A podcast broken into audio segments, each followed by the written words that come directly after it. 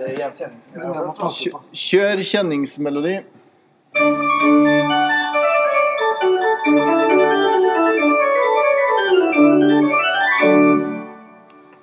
Velkommen til Domkirkepodkast nummer 14 har det blitt da. Men det er jo nummer tre bare i eh, sesong to. Vi hadde jo et eh, opphold der på, på Ufrivillig opphold. ja. Eh, Forrige gang så snakka vi om eh, mye lidelse og død. Da var det sånn pasjon, pasjonstiden. Og jeg hadde et slags sånn, en sånn påstand om at det var lidelse og død som frembrakte de sterkeste musikkopplevelsene. Er du enig i det, Atle Sommerfelt? Jeg er vel av den oppfatning at det er eh, sammenhengen mellom lidelsen og seier og liv som bringer fram den største musikalske eh, opplevelsen. Eh, fordi eh, hvis, hvis ikke lidelse og nød fargelegger livet og, og lovsangen, så blir den veldig lett. Eh, Og omvendt, hvis lidelsen blir stående uten den derre grunntonen eller overføringen videre til livet, så blir den også eh, veldig depressiv, da. Og det samsvarer jo heller ikke med livet. Atle Sommerfelt, du er vår gjest i dag i Domkirkepodkasten. Velkommen. Hjertelig takk. Hjertelig takk. Forrige gang så snakka jeg om det at Dan hadde et så lyst og lett humør. Og så nevnte jeg også at eh, jeg, jeg var i den gata. Ja, jeg har fått noen kommentarer på det, at eh, det kanskje ikke stemmer helt. Men, men, ja, men, men, eh, men du er lett til sinns. eh, Eller du er velsignet med et uh. Lyst sinn, Ja. kaller vi det. Ja. Ja. Men jeg vil jo hevde at det lyse sinnet er jo veldig preget av ganske mye erfaring, både egen, men ikke minst det jeg har observert Ja. av de verste sidene av menneskelig ondskap. Ja. Så jeg har jo en veldig sånn eh, Alt forsøk på å både musikalsk, forkynnelsesmessig og tenkemessig, som ikke snakker direkte, sterkt, konkret og horribelt om ondskapens virkelighet, den har jeg ingen tillit til. Nei. Men Det kommer jo ikke sant av at jeg var jo generalsekretær i Kirkens Nødhjelp. Ja. Og var jo da i møte med, med det verste. Eh, folkemord i Rwanda, sultkatastrofer osv. Men jeg tror også det har noe med min generasjon å gjøre. Fordi jeg er født i 1951. Og den generasjonen er jo veldig preget av våre foreldres fortellinger om okkupasjonen og nazitiden og hele, hele den delen av virkeligheten. Og det gjør jo at all tale om europeisk sivilisasjon som på en måte toppen av det gode, er veldig krevende for de av oss som er oppvokst i skyggen av andre verdenskrig. Ja. Men du har på en måte bevart en sånn eh, positiv livsanskuelse gjennom eh, alle de tingene du har opplevd eh, i ja, f.eks. Rwanda og sånt nå, da. Må ha vært mange Ja, av og til så er jo dette lyse sinnet mitt uh, litt krevende på den måten at jeg for raskt kan lete etter håpstegn og livskraft i desperasjonen. Ja. Og det kan jo, hvis jeg ikke passer meg litt, så kan jo det oppfattes av de jeg møter som at jeg ikke har hørt lidelsen. Ja. Uh, men det er ikke det, men det er det at uh, Ja, jeg lever jo da med det at uh, alle så at Kristus ble korsfestet. ja. Troen og tilliten handler jo Er han faktisk oppstanden? Vinner livet? Ja. For lidelsen ser vi jo. Men det er jo det å kunne se tegn på liv og håp Ja. som jo er troens vågestykke. da. Og det har, men det må jeg si at det Selv i de eh, når, når prester og nonner og klostre låser dører for mennesker i Rwanda som er på flukt for macheter og massakrene, så finnes det alltid også den andre fortellingen av noen som skjuler, gjemmer, hjelper på flukt. Ja. Så, så det er jo en Og dette kan jo Sånn kan vi holde på å fortelle hverandre historier om det forferdelige og om det gode. Men Mozart er din favorittkomponist? Ja. Ja, det er riktig. Det er riktig. Du er ikke flau over å stå Du står for det? Absolutt. Ja. absolutt. Eh, Det er jo eh, Jeg tror det er Det ligger rett og slett eh, i min mor, som var fiolinist Ja. og fiolinlærer. Eh, Og hun ga meg Mozart som, som Du vet at Mozart har flere ganske enkle styk, stykker velegnet for Tilsynelatende enkle. ja, ja, men for barn å Ja. komme i gang. Ja. ikke sant? Og det er melodi, melodier som du kan uh, Så helt uh, fra, fra jeg var, var barn, jeg begynte vel å spille fiolin da jeg var syv-åtte år, så, så var, har liksom Mozart vært min eh. Og så ble det forsterket av at jeg i en tid i livet mitt, eh, i, tidlig, i studenttiden, som, var- som var ganske krevende personlig, Ja. så oppdaget jeg mestene til Mozart.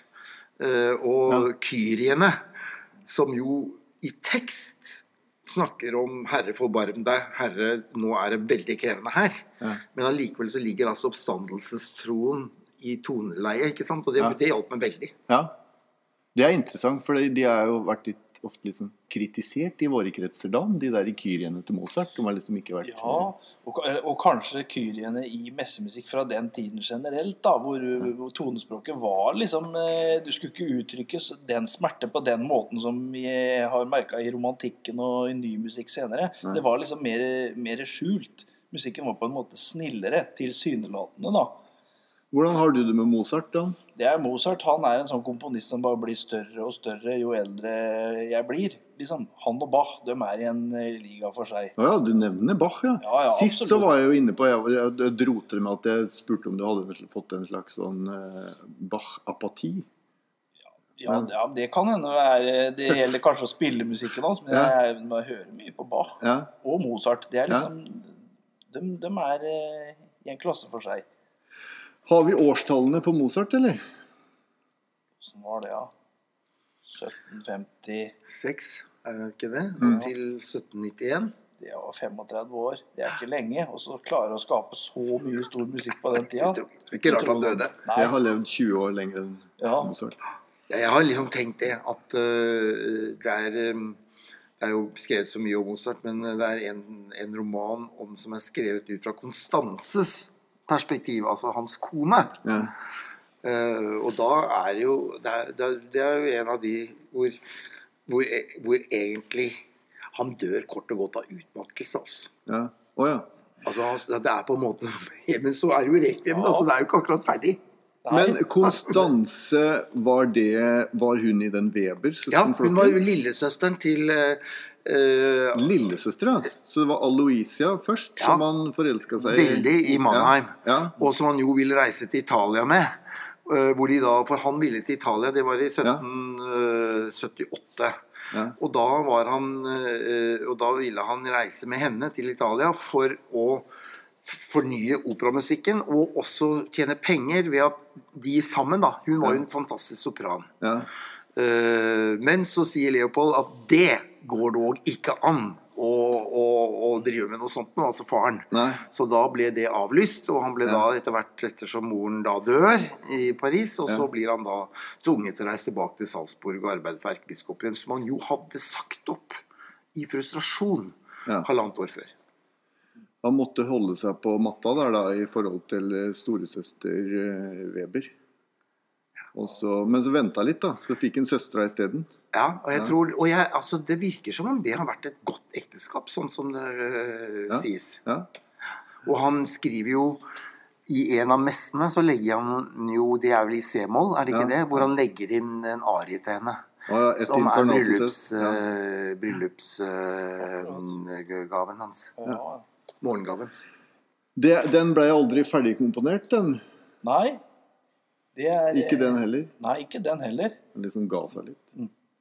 Men det er jo da den derre ett incarnatus est i C-mollmessen, som er utrolig fin, og som vår venn Tor Sørby han hevder eh, med rette da, at eh, når det kommer til det stedet i messen, et incarnatus est, så stopper liksom musikken opp. Og det gjør det jo i eh, denne messen vi skal snakke om nå. For det er grunnen til vi sitter her nå, det er jo fordi at det er Mozart-festival i byen neste helg. I Østre Fredrikstad, men vi vier jo en domkirkepodkast til det. For vi er jo kol kollegaer. Og jeg skal jo dirigere, da. Og Atle skal være konferansier.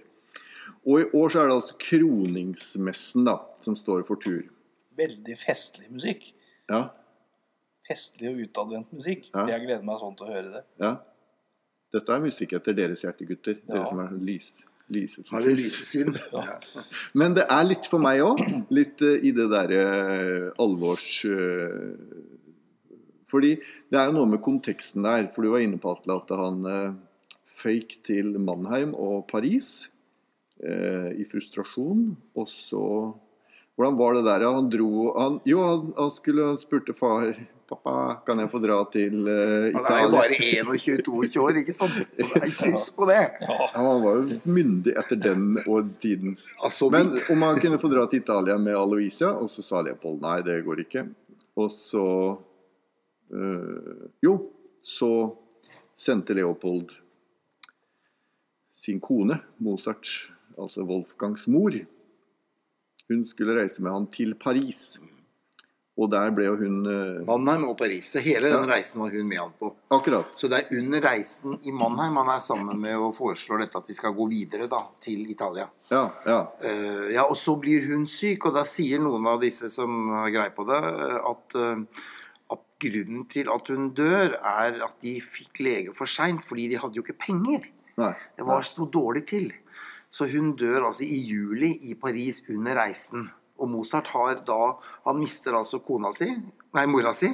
Og så får han ikke fullført sin eh, plan med sin elskede, eller forelskede. Ja. Og han får rett og slett ikke gjennomslag, og han blir ikke noe godt Han skriver noen fantastiske ting i Paris, men han, men jeg tror, men han får liksom ikke de, Han blir ikke støttet og får, får ingenting ut av Så han har rett og slett ikke noe annet å gjøre enn å dra tilbake til Salzburg i januar. Og da er altså Messen er jo fremføres første gang og må være en bestilling til første påskedagsfeiringen i Salzburg-katedralen, hvor han da var ansatt som konsertmester. Domkantor kan vi jo kanskje Ja, kalle det, gutter. Eh, Så dere er jo i en, er jo en heroisk tradisjon, da. Og da tenker jeg at uh, hvis man tenker at dette er en, eh, en sørgende og frustrert mann som egentlig vil, vil komponister som egentlig vil skrive, skrive operaer, Ja. uh, og hører messen ut fra det, ja. så er jo spørsmålet da uh, hvem er det som krones i denne messen? For den heter jo, kro, heter jo kroningsmessen. Ja, men det, den het ikke det på, Det er ikke Mozart som har kalt den Nei, det? Det er den ikke. Men vi kan jo, eh, når en kunstner gir sitt, gir ja. sitt verk fra seg, så tenker jeg at vi kan jo spørre hvem er det som krones. Og alle er jo enige om at det er jo ingen keiser eller konge. Si- Men det blir sånn som han gutten som sa ja, siden det er du som spør, så er det vel Jesus? Ja, ikke sant? Helt riktig, og det er det. Det mener jeg der. For det er jo på første påskedag. Og første påskedagsmessen er jo kroningen av Kristus som verdens pantokrator. Ja. Nei, men det er flott. Vi pleier å switche innom teologi, Dan. Ja, Når, men vi må jo være litt forsiktige i dag som uh, biskopen er her, da. Men da har vi vært litt innom temaet. Men det er fint. Vi Kjør på med teologi, Atle. Vi, vi pleier å være innom det. Da får vi kroningsmester på første søndag etter påske, rett og slett. Ja, ikke rett og slett. Ja. Ja. Og større kan det jo ikke være. Nei. Nei. Kjempebra. Dere må være forsiktige, dere må ikke trampe i gulvet. For at, eh, jeg har altså teknisk da, så har jeg brukt en sånn Zoom. Eh, og det har fått tilbakemelding på et litt dårlig lyd av vår venn Trond Lindheim. Ja. Jeg er usikker på om han har blitt med i lytterskaren igjen etter sesong to. Jeg tror jeg må tipse den. Og så høre om lyden har blitt bedre, for jeg har funnet en knapp som jeg kan skru opp. Men i dag så glemte jeg zoomen. Det er altså en opptaksmaskin, så nå sitter vi og ser på en dataskjerm. Hvor det liksom eh, Det er veldig små utslag her, så jeg er litt Ja, nervøs. Men, Men, det eh, skjer noe det skjer noe. Det skjer noe her. Så vi, Ja, det er liv der. Men øh, eh, du, dine foreldre, de lever ikke? Nei, Altså. nei, det er det. Men din mor lever da? ja. Ja, Ja. du mista faren din nettopp. Ja, ja. Og mine foreldre lever. Men jeg ser jo liksom frykt og beven på den dagen de går bort. Så jeg, jeg, når jeg innstuderer den, denne messen til Mozart, altså, jeg tenker, jeg tror han liksom har vært preget av sin mors bortgang. altså. For de hadde jo et ganske nært forhold. Ja, det er vel de som har et nært forhold. Mens Ja. faren er jo en tyrann. Nemlig. ja. Så det er vel hun som da skaper et levelig Så man kan jo se litt for seg at bunnen liksom falt litt ut. Da, Ja. i, i, og så da måtte bruke lang tid på å reise hjem igjen. Og hva skjedde med moren? Hadde med henne i en kiste? Eller liksom, alt det der, det blir jo fort Altså Jeg ser for meg at det kan prege et liv veldig. da. Og det syns jeg jeg hører i f.eks. starten. Den der, det der Kyrie starter veldig sterkt. Også med sånne sterke kontraster. Jeg- Og jeg syns, jeg syns faktisk også at du kan høre den derre sorgtonen i, også i Glorian. Ja, altså. Ja, sier du det? Jo, ja? i Sanctus, Ja. Selv om det er jo kanskje Men altså Ja. Mer enn vanlig hos Mozart, da, for å si Ja. det sånn. Du Ja. må jo sagt Ja. om det. Ja, Ja. men da unntatt Rekvem og også C-mollmessen, Ja. syns jeg litt. Ja. Der er det liksom en voksen, erfaren mann som skriver. Men i de der unge Mozart-verkene så syns jeg det her står litt i sånn særstilling. At det, det er en sånn alvorstone i det, da. Men jeg, jeg synes jo Jeg synes jo Gloria er jo så fin. Gloria Og Oceanaen, og så er det jo eh, Det er jo Og hvis vi tenker nå at det er første vi må, Det er jo det vi, Jeg har lurt litt på det der om Altså Mozart blir, for, etter min oppfatning, da ofte for mye ren musikk. Ja. Fordi, Ikke minst i messene, fordi det er jo alltid latinsk tekst. Og det Ja. fremmer jo altså Jeg skulle ha jo eks, universitetseksamen i latin, men jeg er jo veldig dårlig i latin. Ja. Eh, og, og vanligvis så da blir, er, jo, er det mer lyd. Ja. Mens uh, Og, og det, det tenker jeg kanskje fremmedgjør oss litt fra koblingen mellom tekst og musikk. Ja, for den er veldig bevisst fra Mozarts side. Veldig, vet du. Du spiller litt av det der Gloria-temaet. da Jeg setter på orgelet. Det, det suser så fælt. så. Hvor har vi Gloria? Det er Trondheimssolistene da, som skal spille. De er jo Ja, faste gjester på ikke. Nei. Og jeg skal dirigere. Jeg gleder meg også fælt. Og gruer meg litt òg. Se vi har jo en av landets beste dirigenter her, da, så det går nok bra. Ja. Ja.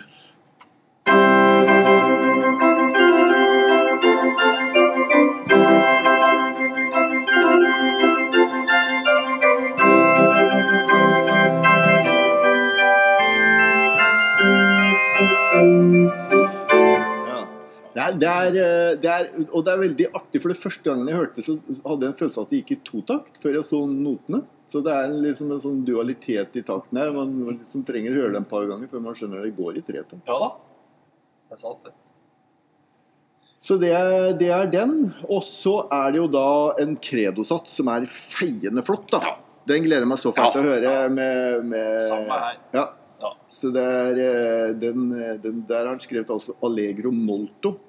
Det betyr unna veldig det. fort. Så jeg skal ha en prøve med Trondheimssolistene på fredag. Og da har jeg tenkt å spørre dem hvor fort er det mulig å spille det der. Og så skal vi ta det, ta det i det tempoet, er planen. Ja. Det var særlig når jeg hørte en innspilling av den messen da, og Credoen, hvor, hvor, hvor den Hvor altså Jeg forestiller meg at Mozart egentlig vil skrive opera. Ja. Og det stedet hvor han egentlig eh, kan virkelig få kombinasjonen mellom dra dramaturgi og musikk i en messe, er jo ikke minst i trosbekjennelsen. Ja. For det er jo fortellingen om Jesus, eller Ja. om treenigheten. ikke sant?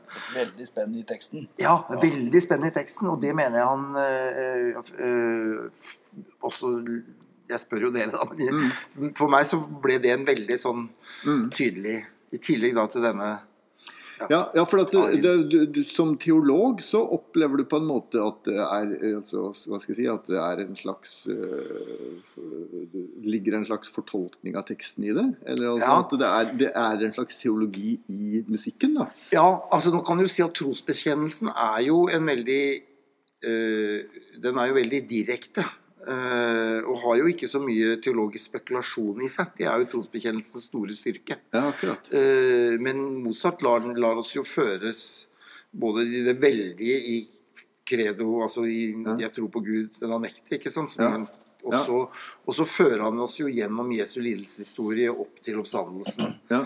Og så, og så slutter det jo i, eh, i, i Ja, jeg hører jo da avslutningen av trosbekjennelsen som en eh, eh, Som en introduksjon til himmelen. ja, ja. Det er, det er jo dom, dommen som da kommer ut i, å amen om ikke annet, Ja. er jo veldig eh, Da er vi i himmelen. Det er som Karl Barth, den store sveitsiske reformerte teolog- teologen i forrige hundre, sa. At eh, når englene skal spille for publikum, så spiller de Bach. Men når de skal kose seg på nachspielet, så spiller de Mozart. Og den eh, hører du i, eh, i amenen her, altså. Ja, det gjør de. Der har han jo en så artig liten greie helt på slutt der, etter å ha sunget seg gjennom hele den nikenske trosbekjennelse. Så smeller han til med liksom første setningen igjen. Ja. Credo in nonum deo. Det er som, nesten som han ikke har lyst til å slutte. Han må liksom føye Ja. på en liten sånn hale etter Ja, Akkurat. Det er, det er han god med, altså Mozart. Ja, ja. det må jeg si sånn, liksom, det, han liksom skaper sånn eh, Altså, du tenker at det kunne vært slutt, men så liksom går han en sånn uventet vending, og så liksom fortsetter. Ja. Det er jo litt sånn som det var i den der filmen til Milos Forman. Hvis dere husker den, så var det jo et sted der som han eh, Som han liksom briljerte. Og for han huska Ja, den der sonaten på- til, til Salieri. Ikke sant? Ja. At, eh, også at det der, ja, Er dette egentlig så bra? Hadde det ikke vært litt bedre Der, der, syns jeg han tar den litt på kornet. For det sånn jeg føler liksom musikken er. At han liksom, man finner hele tiden sånne uventa vendinger og Ja. Samtidig som du sitter og føler at ja, det kan jo ikke være annerledes når du først har hørt det, men nei. så blir du stadig overraska òg, samtidig. mm. Det har jeg også hørt noen har, har utlagt det sånn at med Mozart så er det liksom sånn Geniet, det gudgitte geniet. Alt er liksom sånn akkurat som det skal være. Mens du da f.eks. hos Beethoven da, opplever mye mer sånn eh, indre kamp. da, for- når du, i, I de harmoniske overgangene og sånt. At de er, Ja. de er liksom ikke så finslepne. Så har jeg hørt noen musikere, musikere har lagt ut. da. Skal vi se, Nå har vi gått gjennom messen. da, Det er jo Kyrie, og så er det Gloria, og så er det Credo, og så kommer Sanctus. Sanctus. Benedictus. Ja, Sanctus det er jo den store store hymnen. Eh, der er det Jesaja, en sånn Jesaja-tekst, er det ikke det? Som er utgangspunktet. Ja. Og den har jo tradisjonelt eh, vært skrevet som storslagen. Så, så storslått. Og det, det er det jo her òg. Litt sånn rolig tempo. Ja. Ja, og så er det jo Dette er jo sånn eh, integrert med solister. Så nå har jeg spurt solistene om de kan være med å synge med koret. For det tror jeg liksom det var sånn som det blei gjort. Så det er, det er jeg jo veldig spent på. da. Det, det tror jeg kan bli fint. Ja, Den er jo ikke så stor, Østre Fredrikstad kirke. Så det har ofte vært eh, litt sånn tett på. Ja, det, blir- du kommer veldig tett på. Det er jo veldig viktig å ha en veldig god øvelse på dynamikken mellom kor og orkester. Ja, Og balansen mellom Ja. de. Ja. Det er en veldig Ja. Uh, Fordi kirken er jo egentlig litt mindre enn domkirken her i forhold til en så stor besetning. ja den er det. Så det er nesten litt for mye lyd. Så det blir min jobb det da, å prøve å stagge de musikerne. Ja. Det er ikke så lett, skal jeg si dere. Men du har jo vært i Østre Fredrikstad kirke med ensemble Energico og Ja, Trondheimssolistene ja, da. før. ja, jeg har det. Ja. Men det er jo litt erfaringen, så det som Atle sier, da. For du har jo vært, eh, du har vært eh, konferansier der mange ganger før. Så, så det er jo litt de erfaringene vi har dratt, at det, det, man må, det er viktig å finne en god balanse. Ja, og så kan du si det at i, i denne messen så er det jo også ganske viktig å få fram dynamikken, da. Ja, Sånn at du ikke bare kjører på, på høy styrke hele veien. ja. Ja. Prøve å komme ordentlig ned. Det kan du si. Ja. Men, men eh, så eh, Ja. eh, Det, det er jo ingen kirkefestival, dette, Atte? Nei, det er det ikke. Det er det ikke. Men, men du er liksom med allikevel? Ja, det jo, ja, det kan du si, men det er jo, den er jo en, det er en festival, en Mozart-festival som koblet opp til gamlebyen. Ja. Og man bruker jo Kirkene er jo de beste konsertlokalene i, for veldig mye av den klassiske musikken. Det må Ja. vi jo si. Ja. Eh, og derfor så har jo Og så har jo da eh, Viggo Andersen, som jo er primus motor, spurt spurt om jeg ville eh, være med Han hadde vel fanget opp i en sammenheng at jeg hadde sans for Mozart. Kanskje det var du som røpet det? Ja, det kan det kan Eh, og så ble, har det blitt en tradisjon, da. Det er vel tredje eller fjerde året kanskje nå at jeg da er konferansier på avslutningskonserten. Ja. Eh, og det er jo det, Jeg må jo si det at det har vært en eh, skikkelig utfordring. For Ja. det er klart, jeg er jo en skikkelig amatør når det gjelder eh, musikk her. Men øh, eh, Så jeg er alltid litt nervøs når det sitter både den ene og den andre i, både i sal og, og greier. Men det får nå være. Ja. Uh, på en måte så tenker jeg at uh, Altså, jeg, jeg kan jo litt teologi. Ja. Og, og når vi er i kirkerommet og man skal tolke den musikken som fremføres der, og det har vel vært litt av særpreget, da, at jeg har forsøkt Ja. å knytte det opp til Ja. kirkerommet, også det som ikke egentlig er kirkemusikk av det Mozart har skrevet. Men jeg, jeg tenkte jeg må, Gikk an å prøve å bare sånn diskutere litt med vår, eh, altså, kirkelige hverdag og sånt nå? Hvor, eh, og hvor, eh, hvor, altså, hvor Den norske kirke står, og hvor den er på vei, og osv. Så sånn. Vil du si at eh, du gjør det som, som biskop? Som, Ja, det er jo ingen tvil om. Nei. Jeg finnes jo ikke i offentlig rom uten å være biskop. Nei, Altså, det nei. er jo rollen. Ja. ikke sant? Jeg blir jo ikke spurt fordi jeg er Atle Somfeldt og min mor var fiolinlærer. Jeg blir jo spurt fordi jeg er biskop i, i Borg og er i Fredrikstad. Det er jo det som er så, Og det, det har jeg gjort flere ganger når jeg er på sånne arenaer som ikke er kirkelige. Jeg var jo åpnet en utstilling nå eh, på F15, Ja. Exitus. Ja. Og da tenker jeg sånn at hvis, når de spør meg om å holde en åpning av en utstilling, så er, er jeg der som en som tolker det som der skjer, også innenfor et, et kristent univers. Det er Ja. det, det må man Og der har jo jeg en sånn frimodighet da, på det. ja. At det øh, Er, men er det noe sånn Er det noen forskjell på publikum og menighet? Eller hva tenker du om det? Er, er altså de, Når man sitter i kirken, er man da en menighet, eller sånt? Eh, eh, Det jeg er litt ute etter, er liksom en nye, nye altså, er, er, vi i en brytningstid som kirke, og er dette er dette liksom eh, et, eh, hva skal jeg si, et godt eksempel på, på hvordan vi kan være kirke i fremtiden? Da? Eller, eller tar, jeg litt, tar jeg litt for hardt i Nei, det? ja, altså jeg tror i alle fall det er en viktig side av det å være kirke.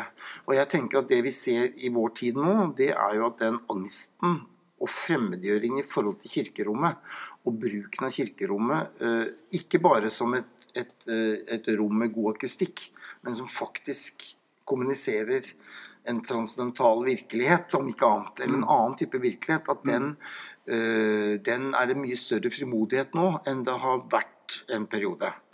Og det tenker jeg blir viktig for oss som kirke da, å, å bejae og fremme og gi frimodighet til. Um, uh, jeg, jeg, synes, jeg har opplevd flere ganger i konserter i, i kirkene med artister som vanligvis ikke verken tråkker kirkedørene ned eller assosieres som kirkemusikk, som sier at dette rommet gir en helt annen tolkningsmulighet for musikken min. Og det handler jo om at det er et sted hvor, hvor transcendensen ligger i veggene, da, og i utsmykningen og i rommet. Og, det, og, og, det, og da blir jo Jeg er ikke så veldig opptatt av om Uh, altså Vi kan definere det som den ene eller den andre, det er i, om det er menighet eller publikum. Uh, det er jo ikke mulig å sitte i en kirke og lytte til Mozart, det være seg møssemusikken eller, eller den andre musikken, uten å, å ha en følelse Spor av transcendens, som jo er blitt sagt av Mozart. ikke sant? Han, eh, og det tenker jeg vi skal gi folk anledning til å oppleve. Og så får jo da får vi ledsage det, da. Ja. Eh, transcendens, da tenker jeg på Nå har vi jo kommet frem til Anjos Dei-satsen, har vi ikke snakka om. Du, Guds lam, som bærer verdens synder. Det er eh, Jesu ord Nei, det, er, sånn det er Johannes som sier Ja. til Jesus. Ja. Så, og det er jo det leddet som er for, uh, altså, knyttet til nattverden i gudstjenesten. Og den Anjos Dei-satsen i kroningsmessen er jo eh, fantastisk. Det er, det er transcendens. Ja. Så, så, og den er jo da også bygger under det argumentet ditt, eh, Atle, om at eh, Mozart jobbet liksom parallelt, altså inni hverandre, med opera og kirkemusikk på denne tiden. For den, den arien eh, gjentar han jo. I, en- I Figaros bryllup. Ja. Grevinnens arie. Ja, Men ja. så sa du til meg at den var ikke den er, det, Du kjen, gjenkjenner, men det er ikke den samme. Nei da, er det er ikke helt motivet som lik. går Ja, ja, ja, men det er ikke noe tvil om at det er Men det synes jeg det, det er jo da min kirkemusikalske profil, som du jo vet. At, eh, at uh, musikken um, uh, Musikken kan leve i ulike rom. Ja. Ikke sant? Eh, og at det er jo et vitnesbyrd da, til første trosartikkel. Ja. Fordi Gud holder jo på hele tiden. Gud er jo ikke, finnes jo ikke bare i kirkerommet. Gud holder jo på hele tiden. Overalt. Holder på. Eh, og all musikk er jo uttrykk for menneskets ypperste skaperkraft. Det er jo, eh, det er jo, dette som, det er jo Luther-sitatet, ikke sant? At det som skiller mennesker fra dyrene, er musikken. Ja. Og, er og så sier Luther Og når musikken, da, eh, som er skapelsens fremste verk for mennesket, sy- liksom, uttrykk for mennesket, Ja. når den da kombinerer med evangeliet, Ja. så er vi virkelig eh, i himmelen. På vei til himmelen, må vi jo si. Du nikker da. Ja. Jeg, jeg føler at jeg er på vei til himmelen. Ja.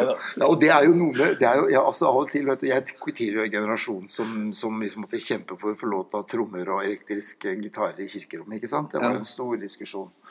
Og jeg mener jo fortsatt at det er kjempefint. Men det er klart, det er jo noe Det er jo en ganske fantastisk tanke, dette med Guds ånd. Ikke sant? Roa.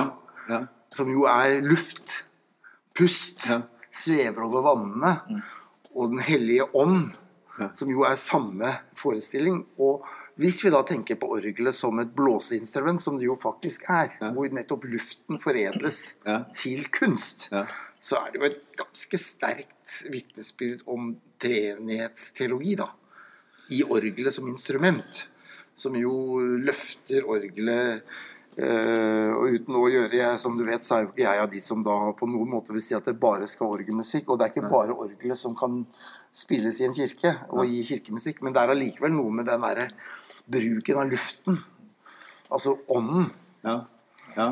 Guds skaperånd som er luft, eller som er luftstrøm, da. Det er jo noe vi synger òg, det, vet du. Det er jo luft, luftstrøm. Ja. luftstrøm. Det er eh, veldig rare greier. At det går an å, å synge, og synge sammen. Og at det kan bli så fint. Vi har jo hatt prøve nå. Jeg er jo, så jeg er jo full av adrenalin. Jeg, jeg har holdt på og instruert disse folka. Det låter jo kjempebra. Ja. Så, så det, og det må det gjøre. For at vi, vi kommer rett etter Håvard Gimse og klaverkonsert på, Ja. på Vi er sambygdinger, Håvard og jeg. Er det det? Ja, Han kommer fra Kongsvinger og fra Eidskog nabo. Så han Ja, gikk i klassen til søstera mi på gymnaset. Men han tok gymnas på to år bare, da. Så det gikk for sakte. Ja, det er noen sånne noen sånne ja. så han spiller jo Det er deilig å ikke være sånn. Nei, Dan er jo litt sånn. Er du litt ja, Nei, jeg er jo, ikke jo, sånn. jo, jo. Nei, ikke når det gjelder skole. Men når det gjelder musikk, så er så, det men han spiller jo så bra. Så det er jo Så det, vi, må, vi må stå på. Skal vi klare å ikke at det ikke skal bli dipp i programmet. For vi er jo avslutningen. Det er avslutningen min. Og da er det jo Det er, altså, det er jo Donna Nobis Pakem som avslutter messen, ikke sant? Ja, og der er det en morsom ting, jeg må si helt avslutningsvis, da, at der tar han jo inn igjen Kyrie-temaet Ja. fra starten av messen. Ja. Og det er altså visstnok det som han Syssmeier hadde i bakhodet når han fullførte Mozarts rekviem. For da lar han jo den Kyrie-fugen mm. komme igjen til slutt da, i verket. Ja. Det er litt morsomt, syns jeg, at han gjør det etter en mal av Mozart selv. da. Jeg, og jeg, for meg så blir jo det en veldig sånn flott tolkning, da, vet du. Når vi, hvis vi nå tenker at eh, dette er påskedagsmessen, ikke sant? Ja. Og det er jo da eh, hvor jo eh, Kristus møter menneskene som den oppstandende med frykt ikke. Fred bringer jeg dere. Eh, og så avsluttes da påskedagsmessen selv om, eh, med, med bønnen om fred. Ja. Eh, Ja. og, og selv om og den, men hvis, man, hvis man legger bildene fra Aleppo, da, Syria Ja. Når man hører den, do, ja. den Donna Nobis-pakken, så syns det, jeg syns det er svært bevegende. Det må jeg virkelig si. Ja, ja.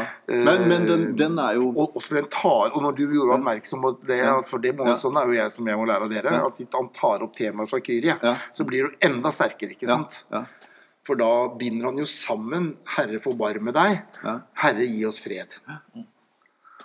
Det er ganske det er kult yrke vi har, da, Dan.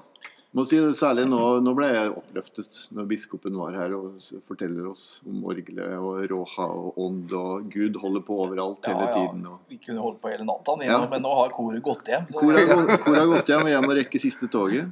Men det har vært fantastisk å ha deg her, Atle. Du er, det er et eh, veldig privilegium å være med dere gutter. Eh, dere er jo så gode og løfter jo Fredrikstad og Domkirken eh, til store høyder. Det må jeg bare si med den jobben dere gjør. Altså. Så hyggelig. Det, ja, det må jeg virkelig si. Vi er glad i deg òg, vi så Vi syns du, er, er en flott eh, mann. Takk. En Hjertelig flott fyr. Hjertelig takk. Han er. En, en, en, en som eh, står opp for kjerka. Uredd person. Jeg beundrer deg for det. Hele tiden hører deg i media overalt når noen skal uttale seg om Den norske kirke. Så, så er du uredd. Så det er et sånt forbilde. som Jeg syns det er veldig flott. da. Ja, men dere er jo med, dere, dere er jo med på ikke sant, å gi meg den fribodigheten. Det er liksom, jeg kan, det er ingen Jeg har ingen sjenanse med å si Kom på en søndagsgudstjeneste i Domkirken og opplev musikken her. Da skjønner dere at det er et sted hvor himmelen møter menneskene. Der slutter vi.